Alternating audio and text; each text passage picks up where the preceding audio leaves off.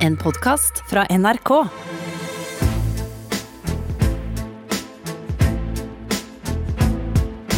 Trump mot verden med Gjermund Eriksen og Sean Henrik Matheson. Hei. Vi er på Blindern-sånn.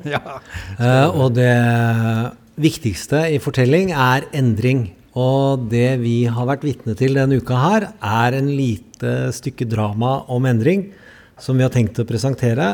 eh, som ender i en svensk-amerikansk folkevise-ting.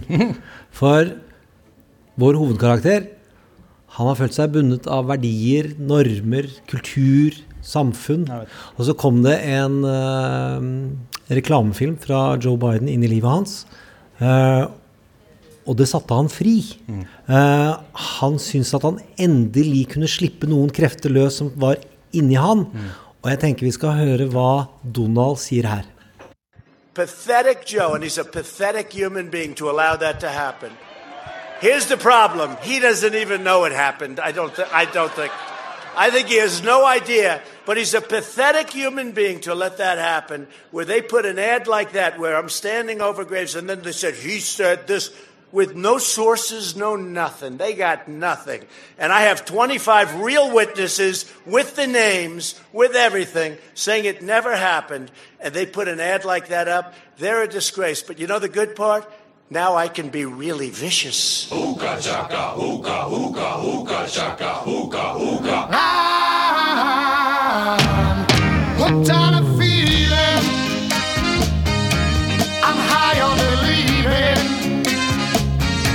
that you're in love with me.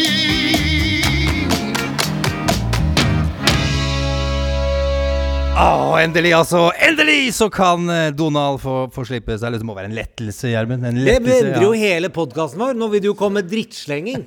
En mann som jo er kjent for å holde igjen. Ja. ja, ja ikke sant. Trump mot verden, altså. Eh, Jeg heter Sean Henrik Matheson. Eh, Gjermund Eriksen, eh, godt å se deg her på Blindern også. Som vanlig, egentlig. Alltid godt å se deg. Ja, Ja, ja. Til deg som hører på, det er jo alltid hyggelig at du gjør. Vi snakker om president Donald Trump og om amerikansk politikk, og som alltid. Vi sammenligner Donalds presidentskap med de grepene som brukes i film og TV, i fiksjonen altså. Det som gjør at du og jeg syns det er gøy å se på hva det nå skulle være. Dette har jo Donald helt inne som den godt trente reality-TV-mannen han eh, er. Og du også, Gjermund. Du du lager jo TV-serier, så dette har du greie på du også.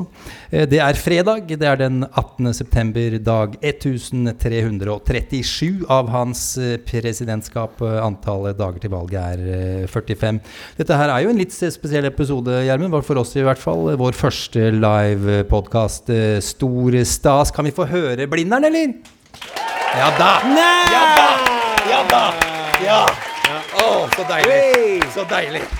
Dette er ekte lyd, det er ikke Silje Nei som har lagt på. Nei, det er ekte er- Blindern-lyd. Dette er the real Det var jeg var uh, veldig bekymra, for jeg har sett Donald. Han klarer å dra titusenvis. Jeg vet det. Eh, og her er det 400 stykker som sitter tett i tett. Minst tett i tett. Uh, med medbrakt alkohol. Ja, det er helt rått. Jeg elsker det. Ja.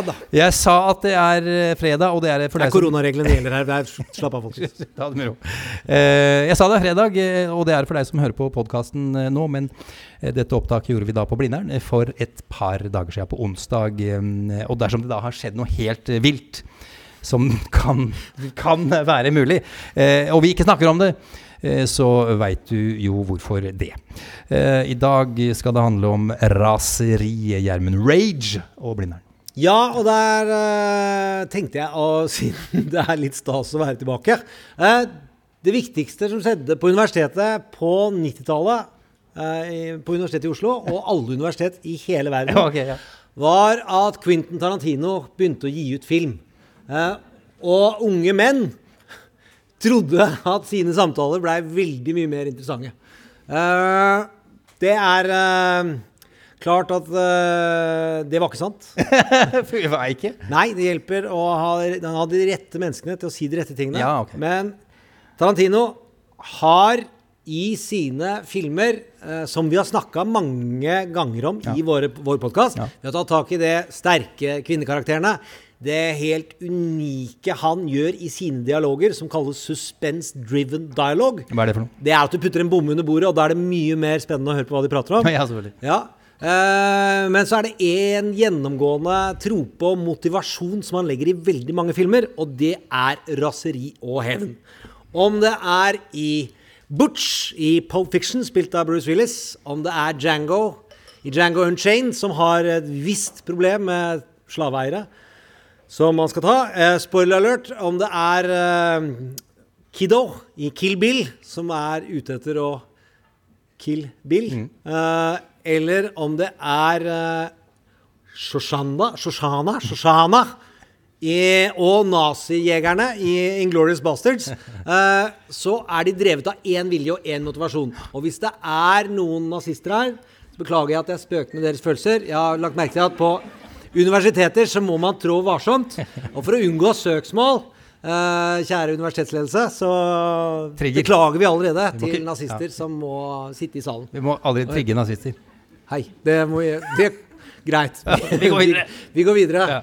Uansett. Dette å bruke raseri og hevn som gjennomgående metafor, det gir noen dramaturgiske kvaliteter som du også kan utnytte i politikk. Selv om du ikke kan sette helt i kill your enemy-spissen i politikken.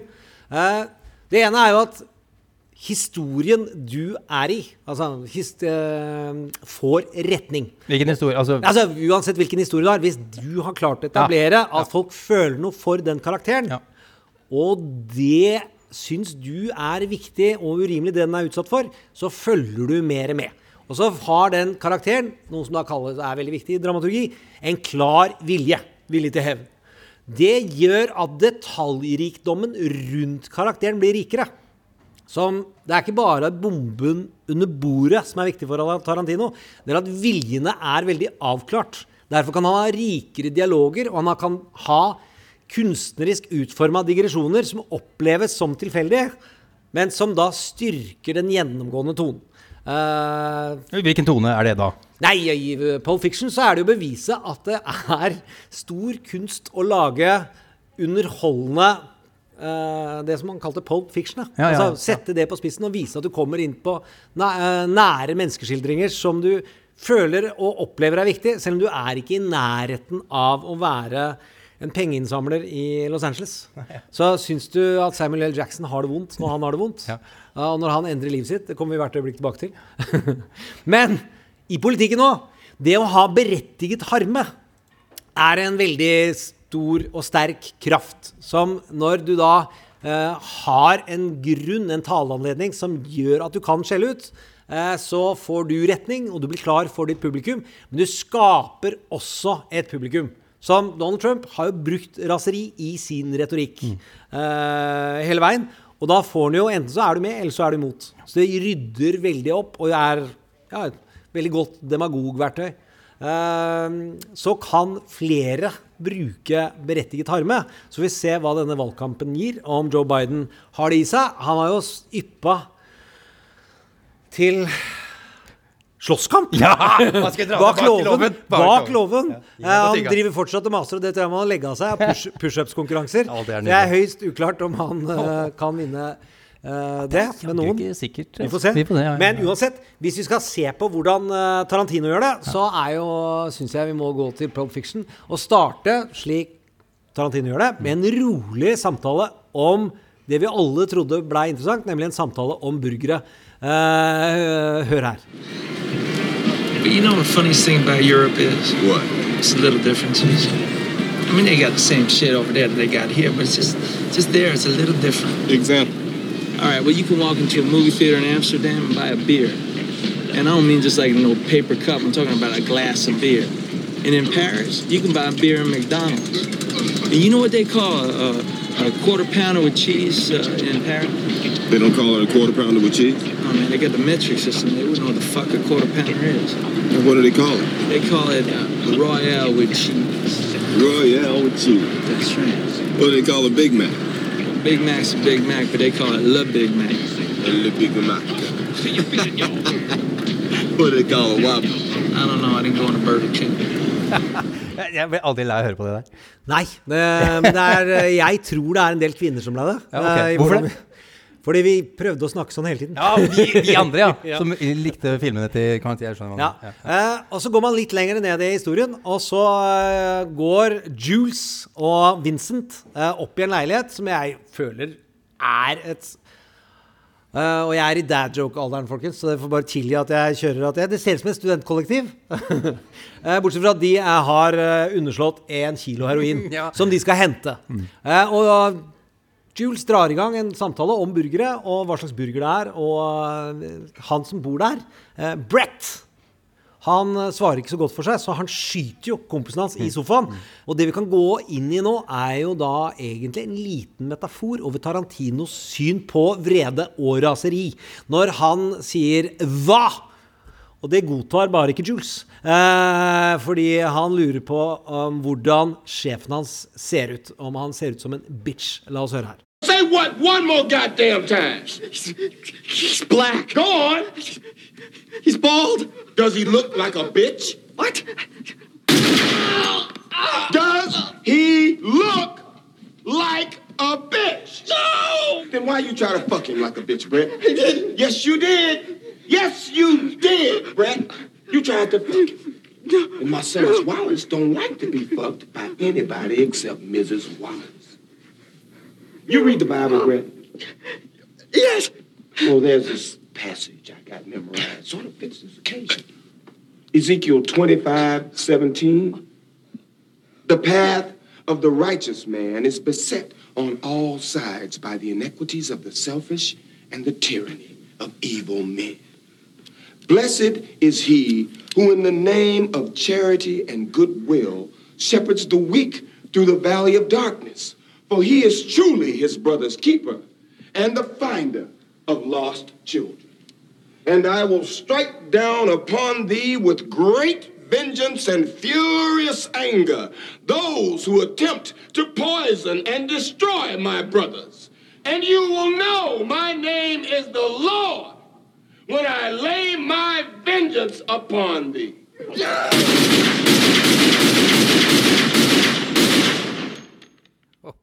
Ja. Ja. Men det, uh, den politiske kraften i berettiget harme, om du ikke siterer Bibelen uh, Hvis du får med deg din publikum på det, så er det stor politisk kraft. Og det tror jeg vi skal innom i dag, Ja. i et par sveip som rimer på Budward. Ja, det er helt riktig. Vi, skal, vi har tre ting på, på blokka vår i dag også som vi skal snakke, snakke en del om. Uh, Bob Woodward, helt riktig. Rage. En ny boka, til Bob Woodward, eh, oppfølgeren til Fear, som kom ut i, i 2018, ble sluppet i går. Eh, vi fikk jo noen oppsiktsvekkende lekkasjer fra den i forrige uke, men det, det kommer vi tilbake til. Ryktene går eh, om at eh, Sofie Høgestøl har lest eh, hele boka. Det skal vi finne ut av. Ryktet hun har satt ut. Ja, det har hun satt ut selv. Hun pleier å gjøre det. Eh, hun kommer om noen få minutter. eh, People are alt- saying. Alltid stas å ha besøk av eh, Sofie. Det skal vi snakke om. Og så er det da som sagt eh, ja, under 50 dager igjen til valget. 45 for å være helt nøyaktig. eh, og som du har sagt eh, mange ganger, Gjermund, er det noe man ikke får kjøpt for penger, så er det tid. Og hva er det viktigste som, som må skje, som eventuelt kan skje i løpet av disse da kritiske eh, dagene? Eh, for å snakke om det får vi jaggu mer besøk. Eh, NRKs tidligere USA-korrespondent Tove Bjørgaas har vært der flere ganger, skal tilbake nå om ikke så altfor lenge. Vi skal snakke med henne om dette her, og vi skal også snakke med Tove om hvordan det er å være journalist og dekke dette valget. Eh, Så er det de, disse godteribitene våre, Gjermund. Vi, vi har noe eh, digg eh, liggende her. Denne ja, smaker godt. Ja, veldig godt og vondt på samme tid, vil jeg si. Michael Caputo. Høytstående kommunikasjonsmedarbeider i Helsedepartementet. Han er med på å bestemme hvordan Donald kommuniserer pandemien ut til folket. Han var på Facebook på søndag, var det vel, Gjermund? Facebook Live. Facebook Live hadde livesending der for sine 5000 venner. Holdt på i 26 minutter. Eh, Da sa han bl.a. at det finnes venstrevridde hit squads. Det er ganske heftig. Altså grupper av bevæpnede personer som planlegger aksjoner etter valget. Altså de løper rundt og dreper folk, basically. Det var han redd for, og han sa selv at han levde i den ytterste fare. Hvis du har våpen, kjøp ammunisjon nå, for det blir vanskelig å få tak i, sa han også. Han sa veldig, veldig mye. Veldig snodig. han er ansatt, altså han har fått jobben Ansatt. av Donald Trump Ja, for ja, å stå for ansvarlig helseinformasjon. Han fikk jobben i april. Det er- eh, det, det er er det som er interessant. Jeg burde sagt det med en gang. Han er- tidligere medarbeidere av Roger. Eh, Roger Stone. Ja. og så har han også jobba for Ronald Reagan eh, for lenge siden, selvfølgelig. Jobba for Putin også. Ja. Eh, Caputo, eh, han, eh, tidlig på 2000-tall, han eh, skulle da forbedre hans omdømme i USA. Sier litt, eh, men eh, må sies da at eh, han, dette handler om den deep state-konspirasjonen som jo som går ut på at embetsfolk rundt omkring i departementene jobber mot Donald og prøver å få ham fjerna. Finnes jo ikke funnet bevis for dette, selvfølgelig. Det er jo galskap, egentlig. Og det innrømmer jo også da Caputo, som for så vidt under denne her lille livesendinga. Det skal han ha, syns jeg er verdt å nevne. Min mentale helse er ødelagt, sa han, mens han også fortalte at han ser skumle, lange skygger i taket sitt i leiligheten sin i Washington. Når du ser Det er hett tips, det kan alle notere. Eh, Dere er jo alle er studenter her. Vi later som det er det. Ja, ja. Når du ser lange skygger på veggene dine, skal du ikke sette på Facebook Live. Nei, ikke gjør det. Det er godt tips. Solid tips. Jeg er kommunik gammel kommunikasjonsrådgiver, eh, og det er da du ikke skal gjøre det. Nei, men Jeg har aldri vært eh, veldig opptatt av å gå turer i, i skog og mark, for å si det sånn. Det må jeg bare innrømme. Nå har jeg heldigvis en god grunn til å aldri gjøre det igjen noensinne. It's when trees fall down after a short period of time, about 18 months, they become very dry. They become really like a matchstick. And they get up, you know, there's no more water pouring through. And they become very, very, uh, they just explode. Jeg skal aldri gå i skogen igjen! Det er sånn naturfagtime for fireåringer, hvor du ser et fenomen, og så skal de si hva de syns de ser. Dette er altså grunnen til at det er så mange skogbranner for øvrig i California, bl.a. Oregon og Washington. Det er at, eh, at trær eksploderer.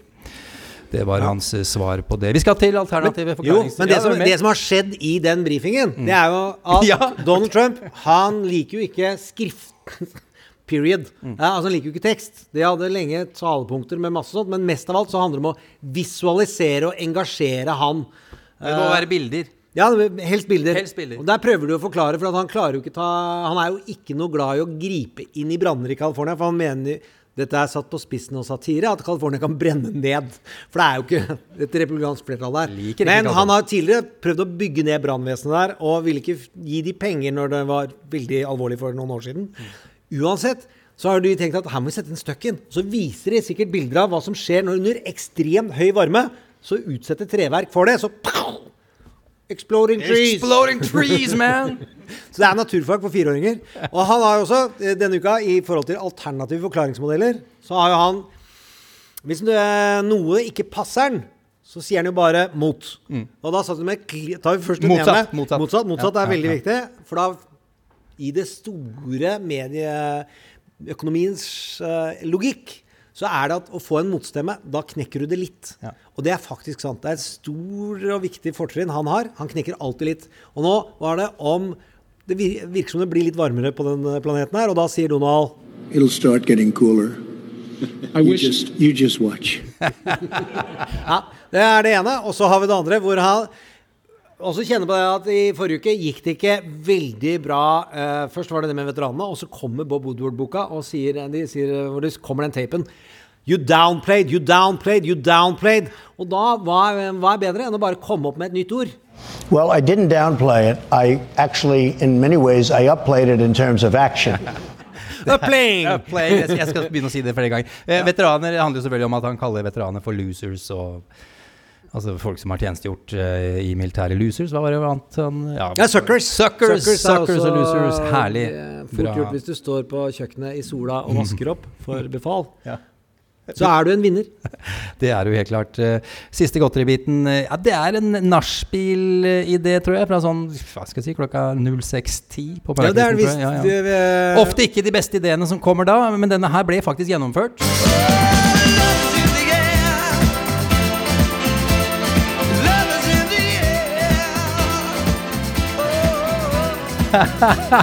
Hvorfor spiller vi den låta? Det er musikken de valgte når det skulle signeres fredsavtale i Det hvite hus. Og da, da vil jeg også i tre om natta, jeg er ikke oppe til seks om morgenen lenger, eh, si 'Love is in the air'. In the det air. blir kjempebra. Den tar vi! Arabiske emirater og en eh, gjenvalgshungrig Ja. israelsk Ja, ja. statsminister. Netanyahu. Ja, Sto der og dansa.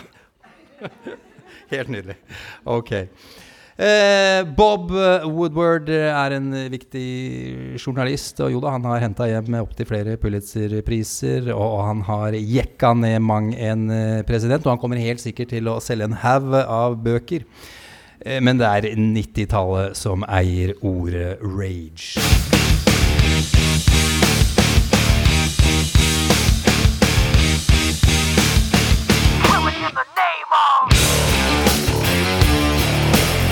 Trump mot verden.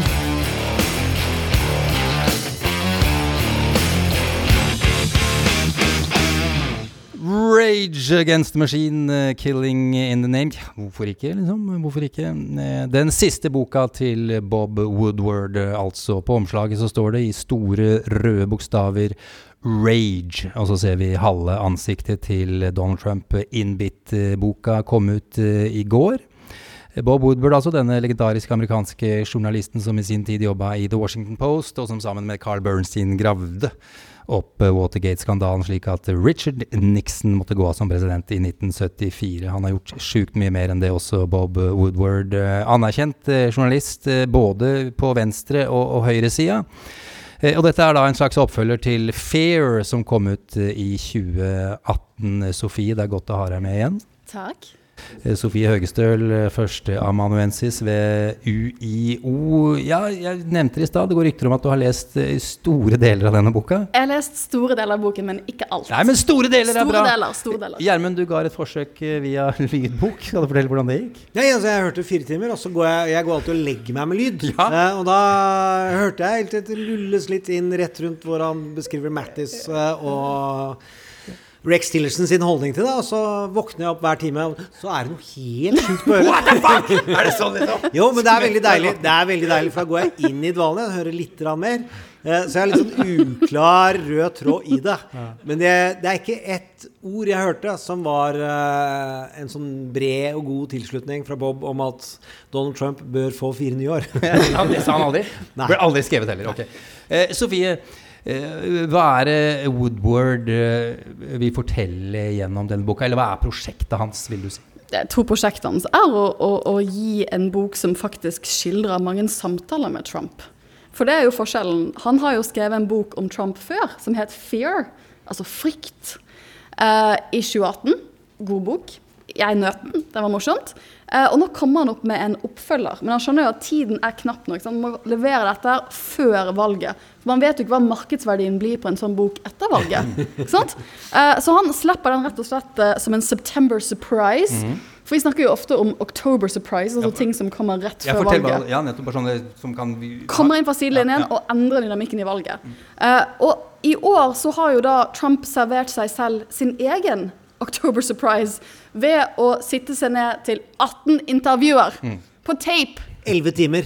11 timer med Bob Woodward. ja. Og det, liksom, jeg tenkte at det var en av de eh, kanskje bedre tingene hans rådgiver har gjort, var, var å holde han under den første boken. For han har sagt i etterkant at han følte at den boken kunne blitt mye bedre hvis han bare kunne fått bidra litt til den boken. Eh, men denne gangen så har um, Kushner, en Mm. av personene som eh, ble beskrevet i forrige, uken, eh, forrige boken som The Geniuses Jared Kushner, eh, svigersønn og en av hans og, nærmeste rådgivere. Ja. Svigersønn fra himmelen, ifølge ja, Donald ja, Trump og, og de ble visst ironisk kalt internt en periode for The Geniuses. For de hadde så mange gode ideer. Uh, av de andre stabsmedlemmene, noe jeg, jeg tror var passe ironisk ment. Men han mener, mente da at det var kanskje denne gangen ikke sant? Han snuser rundt for en til bok. Kanskje det er på tide å snakke med fyren. Sjarmere han. Og Trump, som jeg tror det er Pod Save America-gutter som ofte sier, Trump tror alltid at mer Trump er svaret. Sant? Problemstillingen første gang, det var ikke nok Trump i den boken. Men nå skal jeg levere mer Trump. Uh, så han begynner å snakke med han på tape. Um, og de begynner å snakke sammen på ganske interessant tidspunkt, for det er egentlig før jul. Uh, men så begynner de å snakke sammen også. De fortsetter disse intervjuene, for Trump er jo keen. Han vil gjerne fortelle historien sin. Uh, og så har de intervjuer også i februar. Og da får Woodward, og hvis vi kaster hodene våre tilbake til februar, så var jo det før korona virkelig inntraff i USA. Så at det er før koronakrisen har blitt en stor ting internasjonalt. Og Bob Woodward, og dette er jo igjen på tape, så dette kan man jo spille hjemme hvis man vil.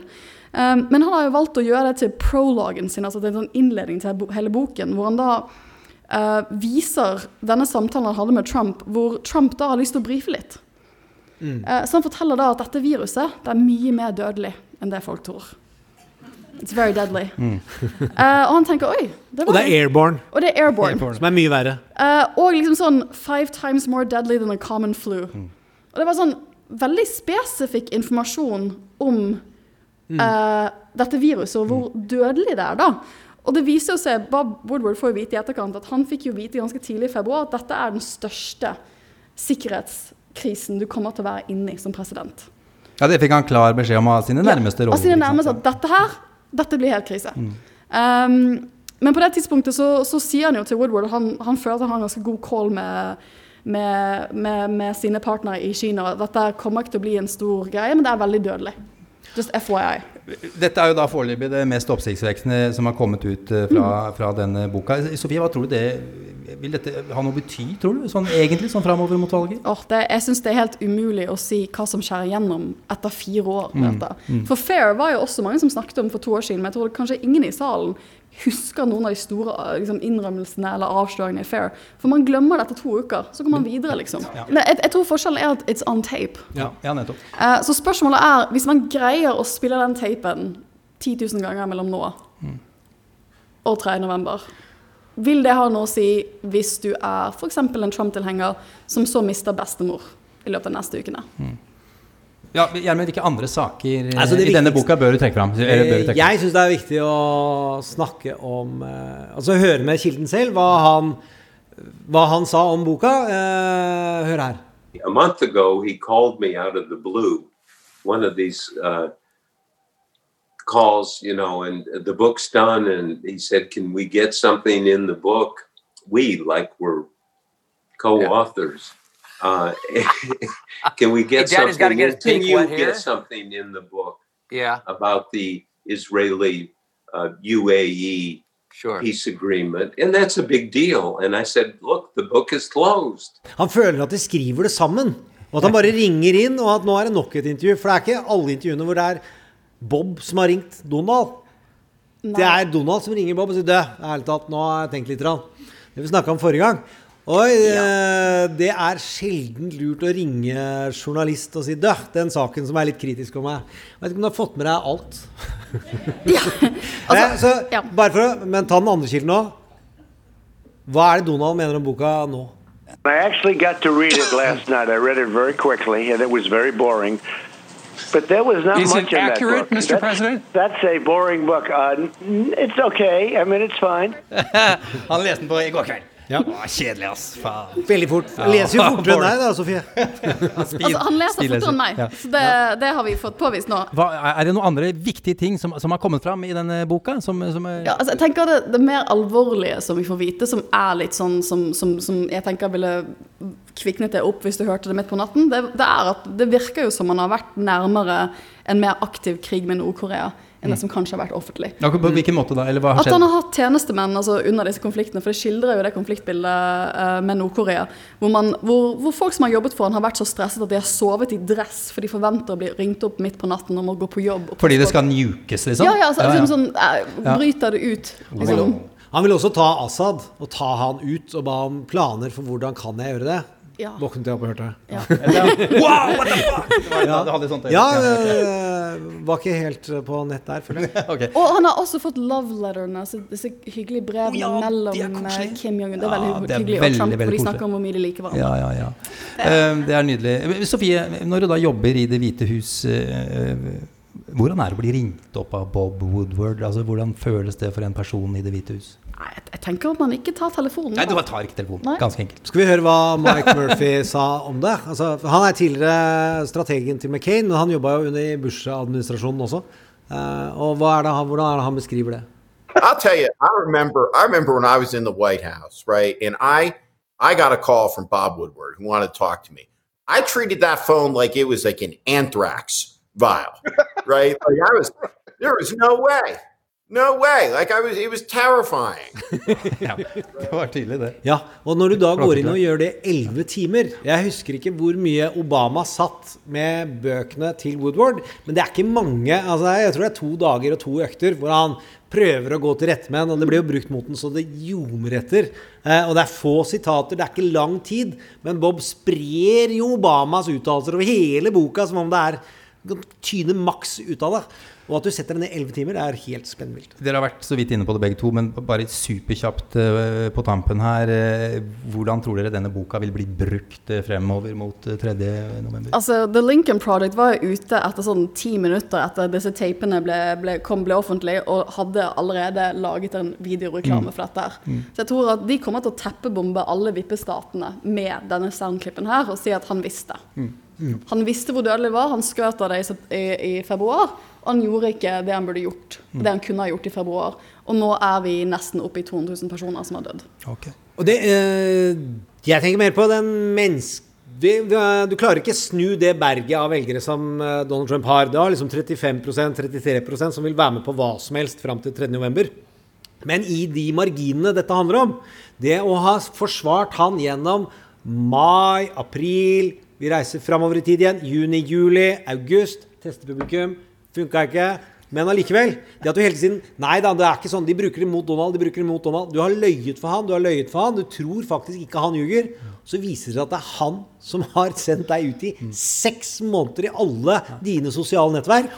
Eh, det er viktig å huske på at han vant med 14 000 her, 22 000 der og 30 000 der. Det er små marginer altså, som skal til. Ja, det er små marginer. I disse vippestatene er vi jo Det kommer vi tilbake til litt. Jeg har litt senere. breaking news også. Oh, oh, ja. jo, oi. Han stakkars Caputo, Ja. han som uh, så Oh, skygger på veggen ja. og, og Facebook Har navnet spådd noe?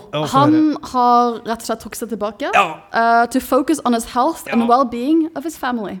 Jeg syns det er veldig fint at en kommunikasjonsrådgiver som jobber med helse, for Helsedepartementet, da, trekker seg tilbake av helsegrunner. Å be folk kjøpe kuler er veldig Uh, Nå gå inn i eh, Hvis det er våpentilhengere her, så skal ikke dømme kulekjøpere. Ikke noe trigger-greier her nå, Gjermund. Ikke krenk noen. Ok. Det er altså 45 dager igjen til valget. Det er eh, ikke lenge.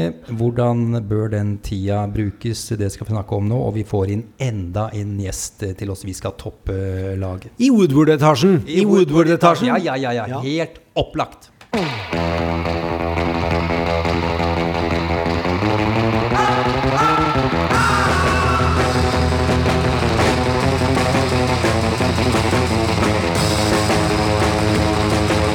Trump mot verden. 45 dager igjen til eh, valget, det som blir kalt det viktigste valget i nyere historie. Kanskje gjennom hele historien. Ja, hva med 1860, da? Borgerkrig og alt mulig? Jo da. Eh, Men da var ikke verden knytta sammen på samme måte som i dag. Valget og, og krigen var lokal, for å si det sånn. Dette valget, retningen amerikanerne bestemmer seg for å gå i etter 3.11, den, eh, den vil prege en hel verden. Den er eh, global. Det er en glede å ønske deg velkommen, Tove Bjørgaas. Thank you. Yes. Eh, Vi topper laget, som sagt. Eh, Lang karriere i NRK, lengst i utenriksredaksjonen. Og du har vært korrespondent i USA i to- perioder, ikke sant, Tove?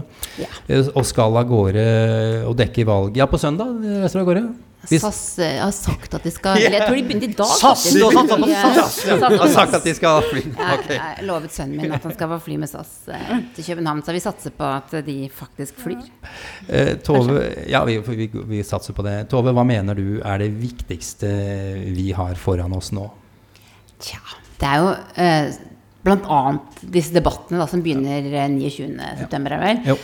Men jeg, hvis du ser tilbake på forrige valg, altså da dukket jo f.eks. Eh, Grab them by the pussy-tapen opp, husker du kanskje Mm. rett før den andre debatten, var det vel? Ja. Og så rulla det av gårde forskjellige ting. Jeg husker også veldig godt valgkampen i 2008, da Lehman Brothers gikk på Ratata rett før den første debatten, var det vel? Mm. Eh, så her kan alt skje. Og det, jeg tror det, det kan skje Jeg tror ikke vi vet hva som venter. Nei, rett og Eh, slett. Ja, bare si det rett, bare si det som det er. Men midt Ja. oppi det hele så vet vi også at folk faktisk begynner å stemme eh, om få dager i mange Mm. delstater. Mm. Eh, og nå i dag så sa at eh, en av de største konsertarrangørene i USA, Live Nation, de tilbyr nå sine enorme konserthaller til stemmelokaler for å Mm. sørge for at man skal holde avstand. Så det her blir dette blir eh, showtime. Altså. Men debattene, hva tenker du? Hva, hva tror, hvordan, kan, hvordan matcher vi Trump og Biden matcher hverandre? Hvor, hva, hva tenker du om det? det blir jo kjempeviktig eh, hvordan dette her kommer til å foregå. Men jeg tror også Det er klart at Biden eh, Vi er jo helt Vi har jo sett han si, tulle med tall, rote seg bort mange, mange ganger. Eh, og Trump kommer selvfølgelig til å si masse som ikke er sant, ikke sant? Mm. Absolutt. Nei, han, altså, Trump kommer til å si masse ting som ikke stemmer. Men eh, så et viktig spørsmål eh, er jo hvordan skal de faktasjekke disse debattene? Jeg vil jo tro at de må faktasjekke dem eh, i, mens de holder på. Folk må skjønne hvor viktige debatter er i USA kontra hva det er i Norge. I Norge så går det noe debatt her og går det noe debatt der, og så går det litt opp og går litt ned. Kanskje det kan være litt utslagsgivende før, eh, en fredag før et valg. Men det er liksom hverdag at de debatterer. I USA så står det ekstremt på spissen, og alle samler seg. Hva er stemninga når du har vært der? Nå kjørte jeg stemningsspørsmålet. Ja, nydelig. Det liker vi. Ja, men det fortjente du. Da stilte du? sjøl sikkert et- en gang eller to. Nei, det er jo et eventyr å være på de debattene. Jeg husker spesielt den debatten eh, rett etter Lehman-konkursen på Old Miss-universitetet i Oxford, Mississippi. Da hadde Ku Klux Klan stand utenfor. Og det var altså eh, skikkelig stemning i det såkalte eh, green roomet, eller spin-rommet. Ja. Eh, det er jo der alle vi journalister vil være. Der kommer de ut med sånne plakater og så, eh, med navnet på de forskjellige rådgiverne til kandidatene, og så får man stå i kø, og så roper man et spørsmål, og så løper Men hva, hvordan siler du informasjon? Hva, de kommer jo og skal skryte, det vet du jo. Hva er du, hva er det du tenker da? Nei, du tenker jo egentlig bare at du Altså når du jobber TV, da, norsk TV, Ja. så tenker du at det, du skal få noe på teipen din som, du kan, som høres mest mulig eksklusivt ut. Ja. Og jeg fikk faktisk Trump eh, på eh, Ja, det var vel den debatten på Hofstra sist, den første. Eh, da fikk jeg faktisk eh, klint en NRK-mikrofon inn foran ansiktet til Hva sa Visste du hva han sa? sa? Ja, Ja, ja, ja, det var det ingen som kunne høre. Nei, Du kan finne på det, du sjekker det. Bittert. Ok. Eh, hva, et annet viktig element eh, er jo selvfølgelig eh, the battleground states, altså vippestatene. Hvordan ligger han der nå, Tove? Nei, det ligger jo an sånn at Biden leder jo Biden leder. i de fleste av dem. Ja. I Florida så ser det ut som det går ganske uh, mye dårligere, tror jeg, enn egentlig demokratene hadde håpa på på dette tidspunktet. Ja, Der ligger Biden foran 2, med 2,3 nå i, i Florida. Helt in insignifikant. Ja, ja, ja. Det er, Det er alt under 5 meningsløst. Og for å sitere Rick Wilson, hvis du ikke leder med 10, så vinner du ikke i Florida. Og det er jo vippestaten det handler om. ikke sant? Det er jo det som vil avgjøre dette valget. Eh, Minnesota, der leder, eh, der leder han med 8,9. Biden også. Wisconsin 6,8. Michigan 7,5. Og Florida har vi snakka om. Dette er vel de viktigste statene. Jeg ser at du også ser på tallene, Sofie. Er det Å, noe du har å melde? Nei, jeg tenker at uh, det er jo kampen om marginene, som Gjermund sa. Nå, snak, nå er det snakk om å prøve å shave av 1 eller 2 i de viktige vippestatene for å få de til å snu. Mm. Uh, men dynamikken i, i valgkampen slik det er nå, det er at du må ha 270 poeng for å vinne. Eller valgmenn, som man kaller det. Ja, jeg kaller poeng. Du liker jeg, kaller, jeg liker å kalle det poeng. Jeg liker å vinne poeng. Det er kulere enn valgmenn. Um, og hvis du bare ser på de statene som, som er mørkeblå, som man bare legger til grunn at de vinner Joe Biden, så har han 203 poeng out the gate. Trump har bare 77. Um, og hvis du ser på de statene som er lyseblå, de som virkelig lener mot Biden, da, så har han til sammen 279 poeng. Så han har jo poengene han trenger i dag, bare i form av stater som lener blå, som er lyseblå, og mørkeblå. Men det handler jo om å flippe Pennsylvania, Michigan, Wisconsin. Det var derfor Wisconsin ble så utrolig viktig for Trump uh, i Kenosha for noen uker siden. For det, var en gyllen mulighet til å prøve å flippe den staten. Uh, så jeg tror kanskje debatten for demokratene blir om man skal liksom double down og si at dette valget her så er det ikke så viktig å vinne stort. Vi skal bare vinne. Så Wisconsin har vært et eventyr. Jeg elsker Wisconsin. Utrolig godt øl, fantastiske mennesker og helt gærne politikere. Ja. Det er helt nuts, altså. Ta en tur til Madison, dere. Hvorfor er de så gærne der, da? Altså, dette er jo stedet der de klarte å gjennomføre et primærvalg akkurat når koronaen hadde satt fart. Folk måtte møte opp for å stemme fordi delstatsforsamlingen ikke klarte å avlyse det valget pga. av partipolitiske stridigheter. Og nå eh, Det er altså en, eh, et republikansk flertall i, i delstatsforsamlingen og en demokratisk guvernør. Så de er splittet. La oss snakke litt mer om, om penger. Vi har nevnt det allerede. Eh, Sofie, det har jo blitt meldt at, at Donald er blakk. Altså eh, kampanjekassa hans. Eh, vet du noe mer om ståa der nå, eh, og hva betyr det i så fall? Ja, altså nå er vi jo inn i Endelig inn i innspurten på en valgkamp som har følt som det har vart i sånn 5000 år. Eh, men nå er det 45 dager igjen, ikke sant? og da er hele gamet å vinne mediemessig hver eneste dag. Gjør du det nok ganger de neste 45 dagene, så kan du vinne valget. Men da må du ha penger. Cash money. Eh, og Trump har kanskje brukt mye penger. Han brukte én milliard i juli, hvis jeg ikke Ja. husker feil. Um, og han fikk jo ikke så mye bedre oppslutning av den milliarden han svidde av i sommer. Ja. Nei, han gjorde Han gjorde ikke det. Så nå har han rett og slett cash money problems. Og det er et problem, for som sagt, han trenger å vinne alle vippestatene som er i spill nå, og litt til. Eh, og det at f.eks. han blir presset i Texas, det er ikke bra, for da må du bruke penger på Texas. Og du vil jo egentlig bruke penger på de statene, de, de, de vippestatene, som dine trygge stater, som Texas burde være da. Vi vet jo at vi, vi, var, vi ventet jo alle at det skulle komme i spill i sånn 2028 kanskje, eller 2024. Men da må du svi av penger på en stat du egentlig trodde du ikke trengte å bruke så mye penger på. For det er jo det som skjer i en amerikansk valgkamp mot slutten. The race Mm. tightens, og du kanaliserer penger der det gjelder mest. Og akkurat nå har han mindre å rute med, men han, han, er jo, han skal jo være en rik mann. Han har brukt alle pengene sine på folket, sånn som velgerne hans. Men du, en annen som jo har kommet på banen eh, endelig igjen, egentlig. eh, det er en fyr vi har venta lenge på, egentlig. Som har lovet hjelp og frelse i, i lang tid. Jesus Kristus. ikke Jesus. Han har ikke kommet på banen, så vidt jeg veit. Hvis ikke du kan sjekke om det er noe breaking news igjen, eh, Sofie. Nei, Michael Bloomberg. Eh, en helt Som, annen ikke, som ikke er Jesus. Han er ikke Jesus. Han er ikke Jesus. Eh, Milliardæren som jo var med i, og ville bli president en liten stund. Ingen mann har brukt mer penger på å få færre stemmer. Nei, han brukte vel 900 millioner dollar, tror jeg. han brukte du? av 900 millioner dollar. Ja, det er mye. Det er mye penger. Og vant sånn American Samosa. Ja. Altså, han vant ingenting. Han vant ingenting. Men Nei. han har i hvert fall sagt nå da, at han skal bruke 100 millioner dollar, eh, og ikke på hva som helst, eller hvor som helst, det er vel riktigere å si. Han skal bruke det i Florida. Eh, og hvorfor gjør han det, Tove? Fordi det er nettopp som vi snakket om, stedet som Biden ligger nesten litt under i. Eh, og Michael Bloomberg han hadde ikke så stor suksess med sin egen valgkamp. Men jeg hørte en ganske interessant analyse på det utskjelte programmet Morning Joe. Som det kanskje Ja, det liker ja, du. Det er fantastisk. Ja, ja. Hver dag klokka to.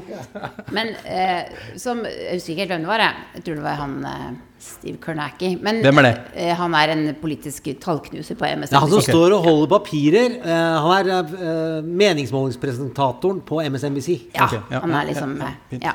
Men han eh, mente det at mye av det Eller alt det Michael Bloomberg gjør, det er faktabasert. Mm. Og at, eh, at det at han for eksempel når han mente at når han så hvor mye sukker det var i brus, og at de ikke hadde kjøpt Ja. så store krus med brus i New York, så forbød liksom. han rett og slett restauranter i New York å selge så store krus med brus. Han var guvernør der i tre perioder, faktisk. Det var han. Han Ja, sa lagde ordfører. sykkelvei rundt Ordfører, hele byen. Han ja. eh, har satt inn penger i kampen eh, for våpenkontroll, i klimasatsinger. eh, Og, og han har sannsynligvis en slags idé om hva man kan bruke disse 100 millionene til. At han kommer til å bruke dem til noe som kanskje virker, men hva han skal bruke dem til, det vet jeg ikke. Ja, men kan han kan 100 millioner kroner fra, fra Dollar. Det er, Dollar, det dollar, er unnskyld. 600 millioner. Ja, ja, nei, det er 800-900 Få litt TV-reklame for det, tror jeg. ja, men kan Michael Bloomberg vinne Florida for Biden, tror dere?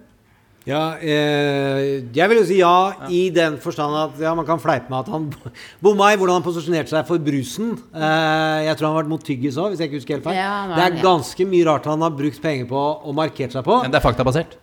Det er faktabasert at det er usunt. Men han har også gått inn i eh, kongressvalg, veldig kirurgisk, i California, og er kjent for da og har bygd opp dette medieimperiet sitt eh, og jobber veldig dataorientert. Og i Florida er jo der hvor Biden ligger under. Han vet at Biden var seks uker uten å bruke TV-reklame i noen av de viktigste mediemarkedene for å snu det med latinoer med cubansk bakgrunn. De har en viss annen jeg vil si, eh, resonans hvis du sier at det kan komme en sosialist. Så er ikke de så glad i det. Nei, det- vi eh, og de har bitt på litt hardt, og det har Donald kjørt på i seks uker. Så sitter Michael og ser på det og tenker ja, ja, ja. 100 millioner i eh, Biden er ikke sosialistreklame. Det kan i hvert fall, og det jeg tror det er, det er bydel, altså det er områder der hvor det er 1500 stemmer det er snakk om å snu. For Ja. å få cubanske stemmebasen opp. For jeg var i Florida i uh, november-oktober. Nydelig. Det kan anbefales etter korona. Um, det var den siste gangen jeg følte jeg hadde det gøy på mange måter. Jeg følte at Korona kom veldig fort etter den turen. Um, Hvor var du i januar, med februar? Eh, eh, eh, ja, nei, jeg var i Norge. Eh, ja. Uh, nei, men jo, poenget er at Florida er en spennende stat, for den er veldig sammensatt. Men de er jo veldig nærme Cuba. Så de har ganske mange cubanske flyktninger. Folk som rett og slett har har kommet seg til USA på en flåte til, eh, til Miami. Og gått i land. Og hvis du greier å komme deg i land, det, sånn, det lærte vi i immigrasjonsrett i USA, hvis du får liksom, to bein på land, så får du opphold i USA hvis du er fra Cuba. Det er en av de få måtene å virkelig liksom, Hvis du kommer fra Cuba, du kommer deg i land, så får du Du må oppholdstillatelse. på stranda, liksom? Du må på stranda. Det, det, det, er, det er saker med folk som ikke har vært på stranda. Eh, ja. men, men de har kanskje en litt annen tilnærming til sosialisme enn det vi har for eksempel i Norge. Eh, så når de hører at, at Trump sier at Biden er en sosialist, så kommer det noen maksreflekser i bånda. Så det har vært gode nyheter for Trump i Florida at han har greid å snu en del latinamerikanske velgere og dreie de i hans, eh, hans favør. Eh, men så er jo også Florida en veldig sammensatt stat. Så jeg er veldig spent på å se hvordan Bloomberg skal bruke disse pengene. Um, og hvilken velger han skal gå på. To West Wing-referanser, fordi jeg er West Wing-fan, og jeg syns alle bør være det, og alle bør se det. Vi hadde en podkast nå hvor jeg intervjua en West Wing-forfatter. Ikke viktig, men det begynner første episoden. er Josh Lyman ligger og er bekymra for flyktninger som kommer fra Cuba på en Yes. flåte. Og det slutter med at han er bekymra for om han investerte Og da snakker vi om i sesong sju, i siste episoden. Har han brukt pengene riktig? Har han investert pengene i riktig reklamemarked? Så jeg syns det ble en bro mellom sosialisme og investerings- og Bloomberg. Det er som jeg syns vi bør eh, ta inn over oss. Vi skal eh, gå videre her. Kanskje det. Jeg tror vi må det, rett og slett. Eh, I 2016 eh, så skjønte ikke mange stort av hvordan en fyr som, eh, som Donald Trump plutselig kunne bli ja, først eh, presidentkandidat, eh, og, og jaggu ble han eh, president også. What? Eh, Media de skjønte ikke noe særlig, de heller. eh, Og mange som er greie på det, mener at eh, media lot seg bruke av, av Donald, og at det hjalp ham til å, å vinne valget. Og nå er jo da spørsmålet har sannhetens voktere, faktaenes formidlere, lært? Skal media få sin hevn, eh, nærmest? eh, Det skal vi snakke om nå.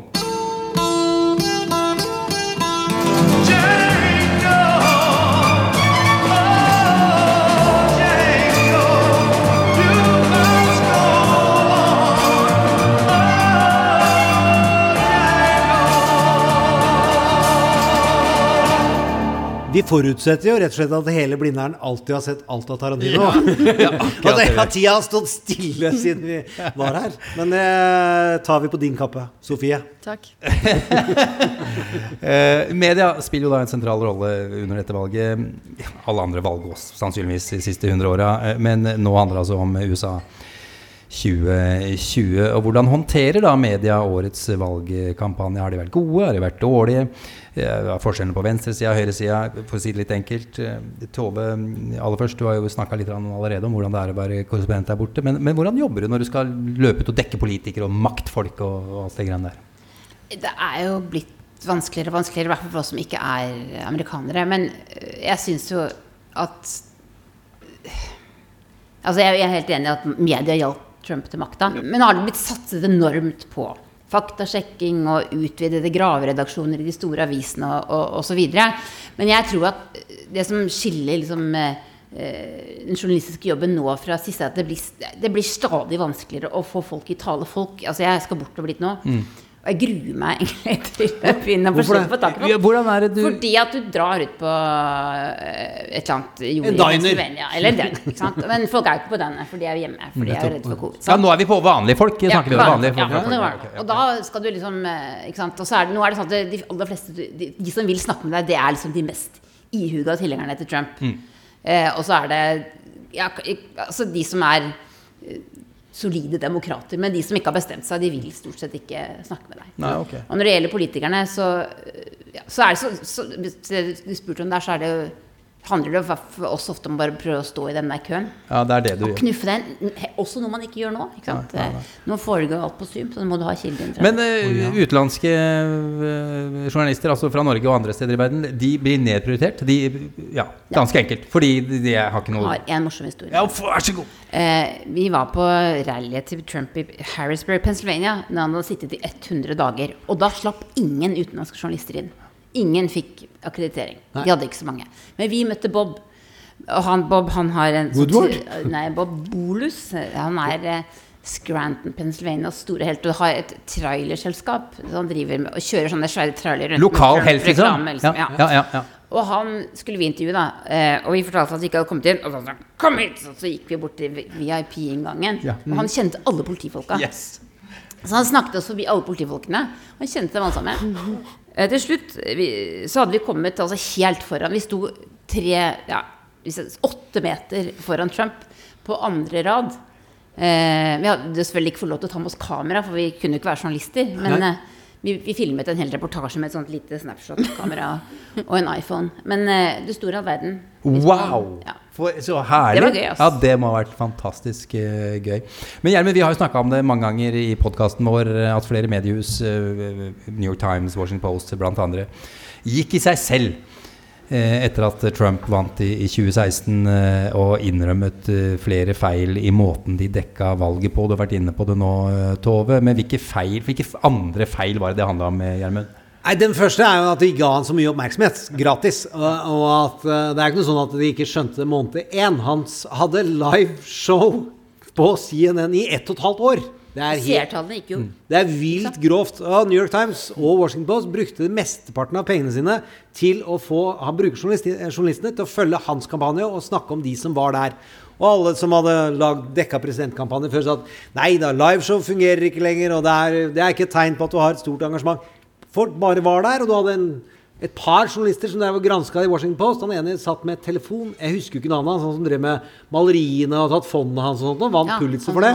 det. Han måtte sitte med fasttelefon på kontoret og gjøre gravende journalistikk om hva han kunne ta tak i i Donald Trump. Og så kommer man etter at han vinner, og da klarer New York Times å finne tydeligvis niesa som har alle papira. Mary Trump. Brukt, kunne gjort det før valget. Uh, og, det, og det er ganske mange andre dynamikker, men jeg kan høre hva Sofie mener først. Nei, jeg tenker at det jeg har tenkt veldig mye på For det som virkelig fenget meg med Bob Woodward-boken Han hadde meg egentlig allerede på side én. Som er liksom det han starta boken med. Han forklarer hvorfor han kalte boken 'Rage'. Og han sier at den tittelen kom fra et intervju han gjorde med daværende presidentkandidat eh, Donald Trump i mars 2016. Hvor Donald Trump sier I bring rage out. I do bring rage out. I always have. I don't know if that's an asset or a liability, but whatever it is, it is what I do. Sånn, jeg bringer ut vrede og sinne. Og jeg tenker at Trump skjønner at han trigger folk. På godt og vondt. Han trigger sinne på en positiv måte blant sine støttespillere. Han greier å dyrke det fremme. Så hvis du har vært på en rally, det ser, de er så tente. Men så, greier, og så trigger han meningsmotstanderne sine på en måte at de mister hodet litt. Ja. Og det, det jeg tenker han tjener veldig på nå, er at det er når man har skreket på toppen av stemmen sin i fire år om at alt han gjør er feil, så er det ingen nyanser igjen.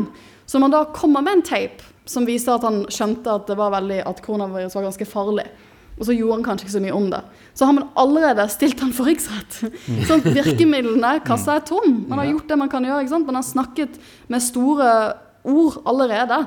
Og da er det vanskelig å vite hvordan man skal ta tak i ting. Jeg tenker fra medias side, men også fra meningsmotstandernes side. ikke sant? For du har, du har tatt og brukt hele verktøykassa allerede. Ja, Men det er ikke så rart at jeg brukte verktøykassa. da. Ja, Hva, men jeg- jeg bare Hva sier at- skulle de gjort, liksom?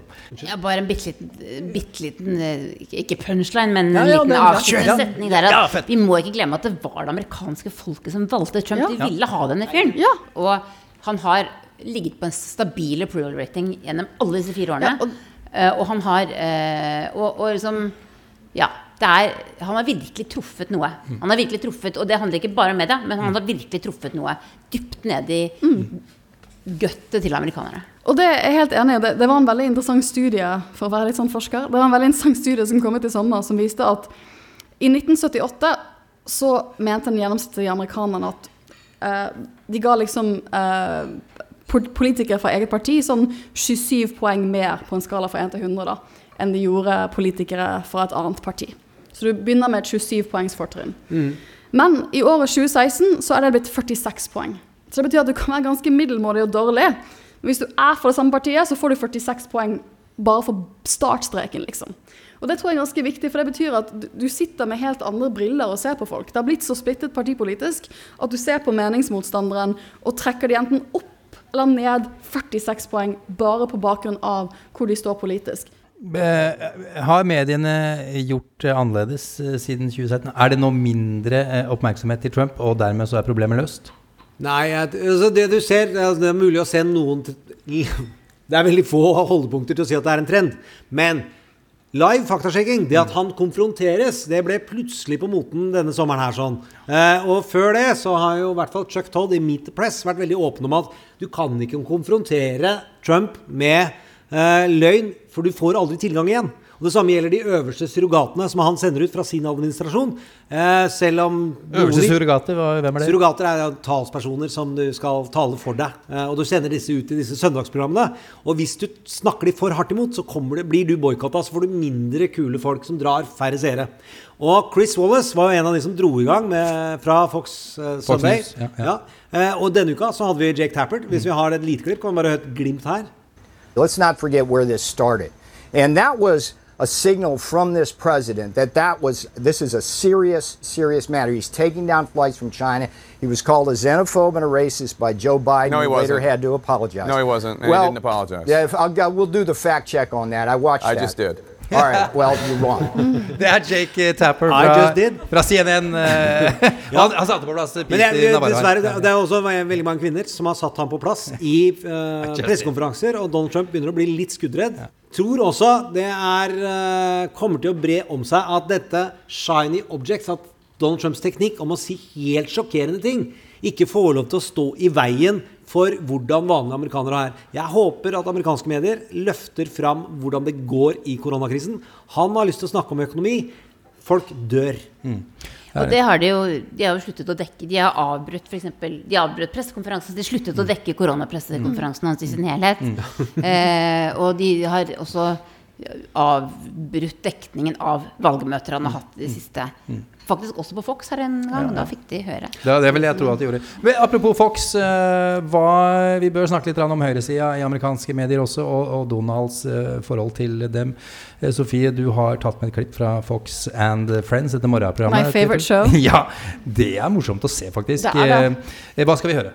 Vi skal høre at Trump gjorde, har begynt å gjøre litt sånn recap fra hva han gjorde i 2016. da han ringer inn til Fox and Friends bare for å jazze litt om morgenen. Eh, og det gjorde han igjen denne uken. Eh, og tenkte at det var noe han kanskje hadde lyst til å gjøre hele tiden. Og så fikk han følgende svar, da. Thank you very much for starting your day with Fox and Friends. Thank you. Okay, it's been great. And Thank we'll you do it very every much. week. We're going to do it every week. I look forward to it. Yeah, we're going to do it every week, every Monday. I think they said, and uh, if, if we can't do it on a Monday, we'll do it on a Tuesday, like we did today. Sounds good. Uh, Mr. President, thank you very much. Uh, you may want to do it every week, but uh, Fox is not committed to that. We're going to take it on a case by case basis. And uh, Joe Biden, as well, is always welcome to uh, join us for 47 minutes, like we just did with the president. Det er gøy. Sjansen for at eh, Han har, ringt, han har ringt inn bare for å snakke med dem og jazze i 47 minutter. Og så tror jeg de husker bare shit, vi skal jo være sånn fair and balanced. Så vi må kanskje si tydelig at vi også ønsker Joe Biden velkommen hvis han har lyst til å ringe inn om morgenen og snakke litt med oss. Jeg tror verden er verre enn som så. At uh, produsentene av det morgenshowet har en billett som de alltid deler ut. Vi vil alltid ha en Donald, så går det, eller så går det ikke. Og så det, er det mulig å se når er det han hopper inn og snakker 47 minutter på, morning, eh, på Fox and Friends. Det er jo i uker hvor det ikke går så bra. Når han skal prøve å snakke ned basen. Vi har, snak snakka om at eh, Trump jo kan eh, media og er eh, ja, en gammel eh, reality-stjerne. Eh, Tove, hvilke mediemanipulasjonsteknikker, for å, for å kalle det det, eh, regner vi, at, regner vi med at Trump vil bruke mest framover? Alle sammen, tror jeg. Ja, og hvilke er det? Hva er det? Nei, altså, han, det er jo å si ting som ikke stemmer. Og, eh, så senest i dag at dette Turning Point America er det det heter. Er altså en, ny gruppe med unge republikanere som, som nå er blitt en slags trollfabrikk. De legger ut eh, direkte, helt usanne poster i sosiale medier, som sosiale medier nå forsøker å, å stanse, men det er jo ikke like lett å å finne alt dette her.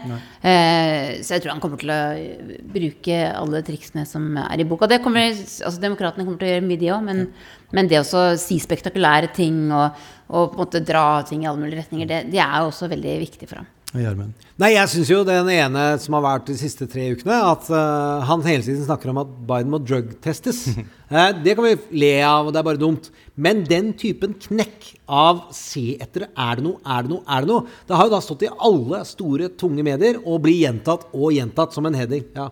Dette funker jo på norsk presse også. Han, Trump slang ut for noen uker siden at han kanskje, skulle, kanskje man burde vurdere å utsette valget. Og det var jo toppsaken med Ja. en gang i Mm. all norsk presse. Og det var sånn, den, den tweeten der kom samtidig som en del utrolig dystre økonomiske tall kom. Mm. Så istedenfor å snakke om hvor dårlig det gikk med økonomien, så snakket alle om sånn Shit, kan han utsette valget? Svaret er nei, det kan han ikke. Mm. Men det funket som bare det, og vi snakket om det i Norge. Alle skitne triks eh, vil sannsynligvis eh, bli brukt. Nå eh, skal vi jaggu utnytte det at vi er her på Blindern og har et publikum. Eh, Nå skal de få lov til å stille spørsmål til alle som er her. Ikke alle på en gang. Vent litt. Og helst, Vent litt. Og helst om Oi, oi, amerikansk oi. politikk. Helst om amerikansk politikk. Hei. Eh, jeg lurer på de Black Lives Matter-protestene som har vært nylig, har jo sikkert eh, mobilisert en del folk som eventuelt kan stemme på Biden. Og det kan jo kanskje eh, være til eh, fordel for han, men samtidig så har jo også det vært en del ødeleggelser knytta til dette som kanskje kan styrke eh, folk som er litt sånn i tvil til å stemme Trump, da. Så hva tenker dere om, om, om dette er best til fordel for Biden eller Trump? Interessant spørsmål. eh, Veldig interessant spørsmål. Ja. Eh, Sofie, har du lyst til å begynne? Jeg tenker at Det viktigste begge kandidatene gjør nå, det er å prøve å frame the issue, som man sier på amerikansk. Eh, de prøver å si at okay, dette fenomenet skjer, og fra et Trump-perspektiv så snakker man da om lov og orden. For det, det tenker man at det trigger sine egne velgere. Det får ut Det, det gjør hvite damer på min alder i USA som bor i suburbs, litt engstelige. Eh, og da tenker de oh, kanskje jeg skal stemme på Trump likevel. Er det han håper, da? Men hvis du er Joe Biden, så snakker du mye om structural racism, om de bredere du, perspektivene. Du får Kamala Harris til å gå ut og snakke om å ha town halls som dette. Så de prøver begge å ta og kapre samme sak, men å se på det med litt forskjellige synspunkter for å kunne vinne velgere på det. Så får vi se hvem som vinner den kampen til slutt. Så jeg kan si noe, så tror jeg kanskje at det, har, det, er, det kan være litt tveget for demokratene. Det var jo også sånne protester mens Obama var president. Husker kanskje Ferguson, Missouri. Det startet jo allerede i 2014. Eh, og eh, det eh, som egentlig kom ut av de protestene, var jo at, at mange unge i Det demokratiske partiet ville ha partiet mot venstre. Og Biden er jo ikke den kandidaten de drømte om. Så jeg tror at sånn sett er kanskje Kamala Harris den som hjelper litt til akkurat i den saken. Men jeg tror også, som Sofie sier, at det, det kan også mobilisere på midten blant eldre velgere som ikke ønsker eh, brann og kaos i, i gatene. Og det er jo absolutt en del av denne kulturkrigen som har pågått i USA i, siden 60-tallet.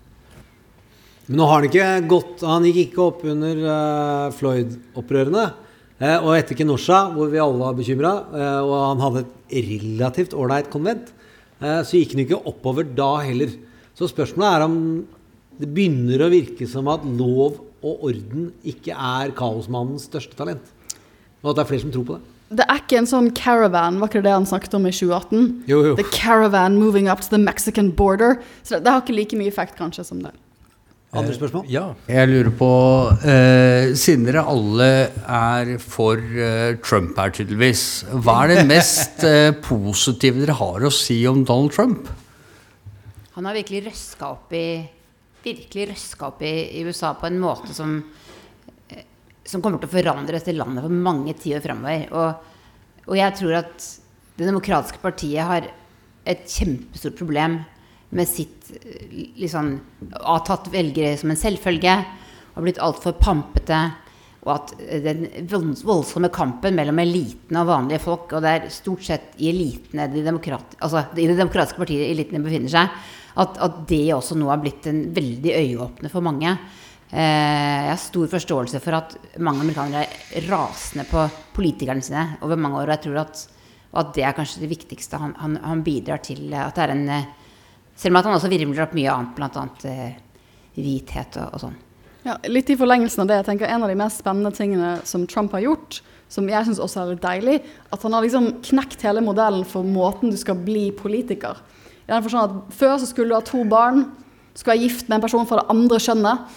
Eh, liksom Du skulle ha gått, gjerne tatt law school på riktig sted, Harvard Law, ikke sant? Princeton undergraduate. Du skal ha tikket alle de boksene der, som det er en veldig lite eliten som gjør.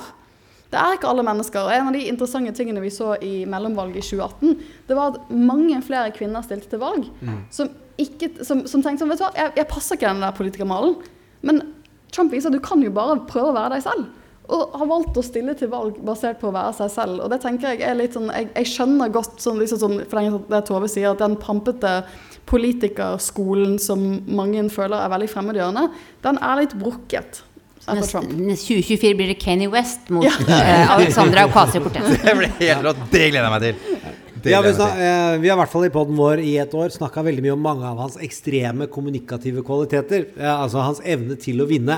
Det er stor selvskading han selv hadde gjort. Det er ikke få der, på høyre- og venstresida. Så hadde han bare sittet rolig og holdt kjeft, så hadde han vunnet det her valget for lenge siden. Eh, Men det er enorm dyktighet og stamina han har i det. Eh, Hvis man ser på de samfunnsmessige konsekvensene, så er jeg enig i begge de to, så klart. Men han har synliggjort så mye som bare var normer og verdier, og som nå må skrives i lov. Så hvis, det er, hvis du fortsatt har noen år med utdanning igjen, reis til USA og bli advokat, for det kommer til å bli juss, altså. Framover. Flere spørsmål? Um, jeg er litt usikker på faktagrunnlaget mitt her, men jeg mener å ha fått med meg at noen av de innbitte Bernie Brosene har nå altså, altså, sier jo at de nekter å stemme på Biden og stemmer heller på Trump. Hvordan i alle dager kan de havne der, liksom? Det er veldig overdrevet. Så man har lett med lys og lykte for å finne Bernie Bros, som er ved Trump. Eh, Det ble mast mye om i januar, om Bernie Sanders sine tilhengere. Hvordan ville de klare å forene seg? Og det har knapt vært bråk, altså. Eh, Til og med Alexandria Ocasio-Cortez sine mest ihuga twitterister har ligget lavt i terrenget.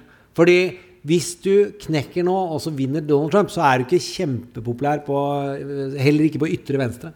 Tror Men, jeg. men jeg møtte ganske mange for fire år siden som, som gikk for Sanders, men når han tapte, så tok de Trump. Altså, da sa de at da var det han. Ja, men hva er logikken der? Hva, hva handler det om? De står utenfor systemet. Ja. De sto utenfor systemet, de, de var annerledes politikere. Men De det, var er- det er litt den politikere. hesteskoteorien vi ofte snakker om. At når du kommer langt nok ut på de fløyene, så møtes de litt på, mange, på noen punkter.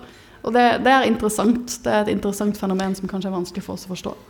Ideen om å pisse i baren er jo artig helt på slutten, men det er ikke så moro når du skal ha én øl til. Nei, det er helt klart. Eh, flere Ja, der har vi en. Ja. Ok, så uansett om Trump blir gjenvalgt, så er jo tydelig etterspørselen etter én Trump til stede i USA. En fjerdedel av USA stemmer på Trump. Så hvem blir den neste republikanske kandidaten? Blir det Tom Cotton? Blir det Pence? Blir det noe enda verre? Blir det noe bedre? Blir det en country club republican på nytt igjen? Topp tre-lister, hvem vil begynne? Don Jr., Ivanka, ikke sant? Ja. Tucker Carlson. Så jeg går nedover lista, Carlson. liksom. Tucker Carlson. Tucker Carlson. Ja, det er kanskje Ja. det. Ja, kanskje det. Kanskje. Uh, jeg Men, at men betyr det at det republikanske partiet Det er nå for evig alltid i denne Trump-retningen? Eh, Tror vi det? Jeg tenker at Det var jo det store, det var det vi snakket om for fire år siden. For alle trodde jo Trump skulle tape. Da, da snakket man mye om hva skjer med the soul of the Republican Party etter at denne, de har hatt denne opplevelsen med at de fikk en sånn kandidat. Nå må de skjerpe seg. Og så sitter de fire år senere, og de, han er jo der, han vant. ikke sant? Han har tatt over partiet på mange måter. Men det er jo fortsatt en veldig ihuga sånn country club-gjeng, da, la oss kalle det det, som har lyst til å gjøre et comeback. Men jeg tenker at de vil nok heller prøve seg på en type Nikki Haley. For Nikki Haley greide å holde seg inne med Trump. Eneste som har overlevd, nesten? Altså, er hun du, ikke kan, du kan si mye om damer, men det, det, det er teft altså, å kunne greie å gå den balansegangen. Hun vil jo veldig gjerne bli president, føler jeg, eh, av alt hun gjør. Eh, peker jo på det. Eh, så jeg tenker at Hun er kanskje en moderat kandidat som Trumper kanskje kan akseptere. For hun holdt seg litt Hun, hun var jo FN-ambassadør for Trump og holdt seg inne med han. Men hun er jo egentlig litt sånn country club republican, hvis man tenker på det sånn. da. Tradisjonell. Jeg tror det er betydelig overdrevet hvor eh, etterspurt en kvinnelig leder av det republikanske partiet er, egentlig. Eh, og vil satse på Sass over Cotton. Eh, og så tror jeg Cruise har brukt opp uh, Brukt opp antall Ja, han har brukt opp altså, han, har, han har vært veldig godt posisjonert inntil det siste året. Uh, men det er rett og slett ganske sjelløst det han har fått til. Han står ganske svakt i Texas, men har kjempebra grep om bibelbeltet. Det som egentlig er spennende, er om det kommer til å være en modererende motkraft. Uh, og at 30 år med det å alltid bli primaried, dvs. Si at den ytterste høyre Du blir utfordra alltid til høyre. Om det er den bevegelsen vil fortsette dersom Donald Trump taper så det synger. Hvis han taper så det synger, så er det ikke sikkert det vil være tilfellet. Hvis han taper litt og må bæres ut av eh, Det hvite hus, som er jækla usikkert om han taper. Altså, bare så det er sagt. Jeg er ikke sikker på om han taper. eh, Med lovlige midler engang. Eh, Så er det kampen om å overta basen hans. Ja. Overta basen. Da er Sass, Haley, Cotton gode kandidater. Eh, Dersom eh, det blir en kamp om eh, sentrum i det republikanske partiet for å bli spiselige med de demografiske framskrivningene for Texas, som ryker i 2024. Skal vi ta Jeg tror jeg fikk til ett spørsmål til, Silje. Har vi ikke det? Jo, skal vi gjøre det? Jo. Ja, fint. Da tar vi ett spørsmål til.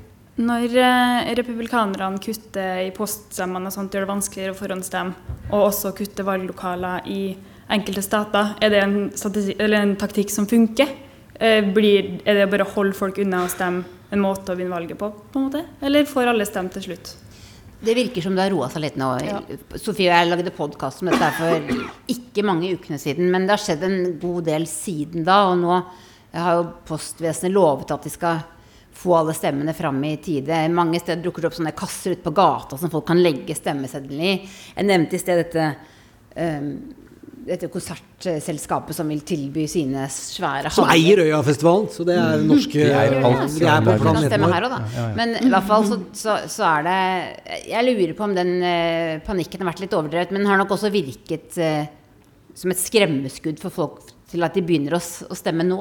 Men uh, jeg er mer redd for liksom, opptellingskaos. Jeg tror det kan bli et voldsomt opplegg å få telt opp alle disse stemmene, og, og lurer veldig på hvor lang tid det kommer til å ta. Ja, så Hvis du da, også da er usikker på om stemmen din kom fram fordi at det har blitt sådd så mye tvil det, det, Alt dette svekker jo tilliten til valgresultatet. Og det er jo det jeg tenker at De fleste av oss vi har alle forskjellige politiske ståsteder her, stemmer sikkert på helt forskjellige partier. Men jeg har veldig stor tillit til valgresultatet i Norge når det kommer på valgkvelden. Og det er jo det, det, er det som er En ting er å, å, å kanskje ha prøvd å innskrenke litt tilgang til å stemme nå. Det har jo begge partiene på forskjellige måter har gjort i mange år, men særlig republikanerne. Um, men noe annet er å undergrave den tilliten til selve valgresultatet. Det er jo det vi ser skjer litt, altså, altså hovedsakelig av Trump, men Biden har også sagt at han er redd for at uh, Trump skal stjele valget. Denne retorikken om valgstjeling på begge sider er jo i full sving, og det er 45 dager igjen. Jeg tror jo Jeg ser jo at Jeg tror det er mer, litt mørkere enn som så. At Donald Trump har blitt brifa på hvor mange som driver med poststemmer i Det demokratiske partiet kontra, kontra Det republikanske partiet. Og som en gammel uh, binærtenkende mann innenfor sin del av markedsøkonomien, enten så vinner du eller så taper du, tenker han blir poststemmer det skal fankeren snyte meg å gjøre ganske mye for å holde igjen. Og så har vi jo sett noen bevegelser den veien. Så har ikke han postsjefen uh, lagt hele hua på blokka, selv om det kan ryke allikevel. Jeg tror det kan bli mørkt, og at de kommer til å prøve å begrense poststemmer. For det er ikke noe tvil om, i hvert fall de undersøkelsene jeg har hørt, så er det mer demokratiske stemmer som kommer i posten.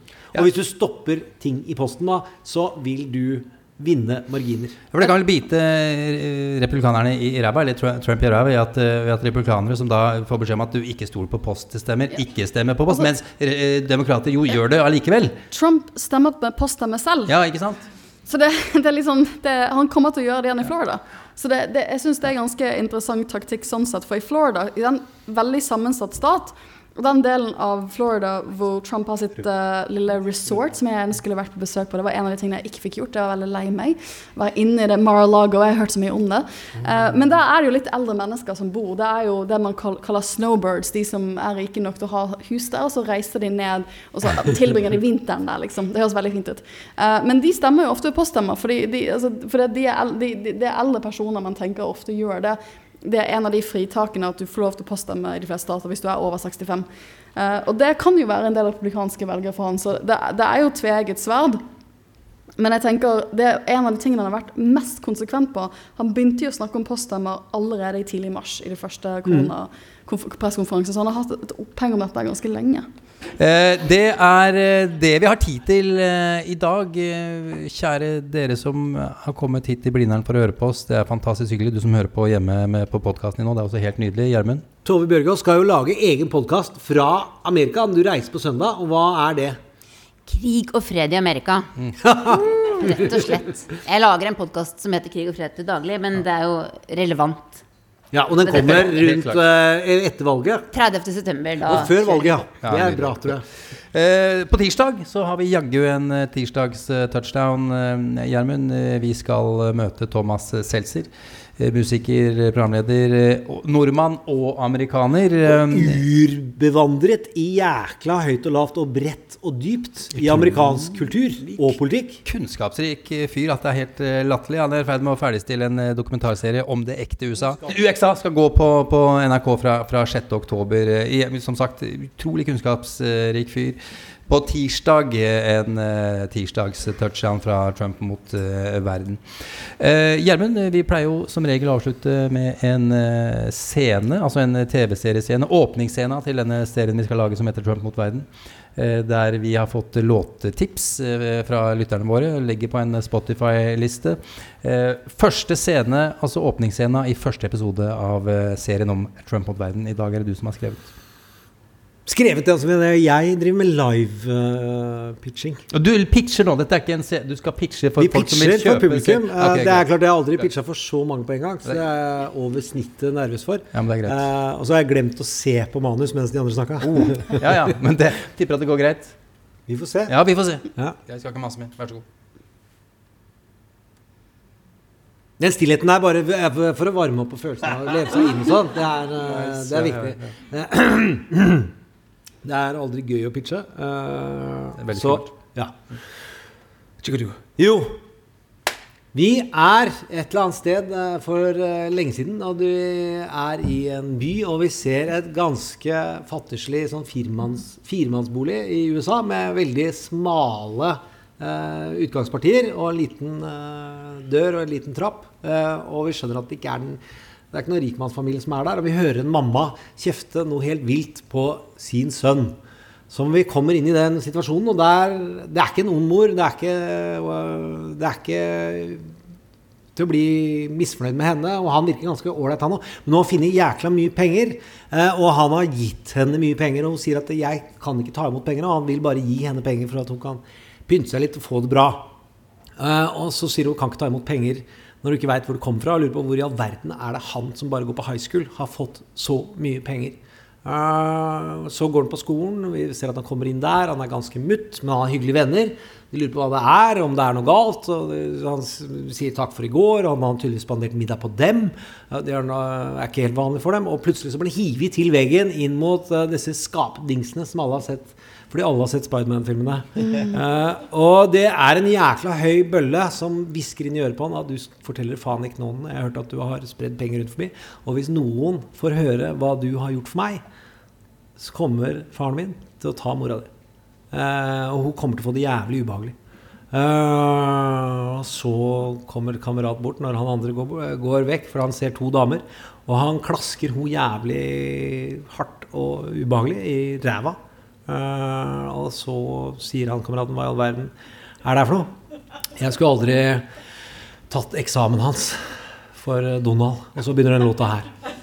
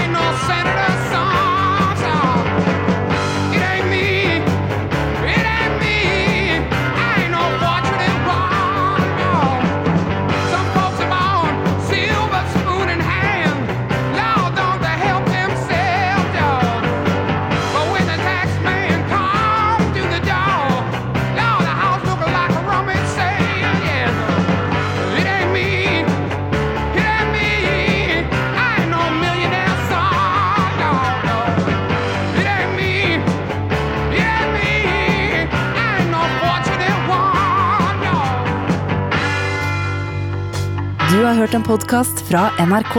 Hør flere podkaster og din NRK-kanal i appen NRK Radio.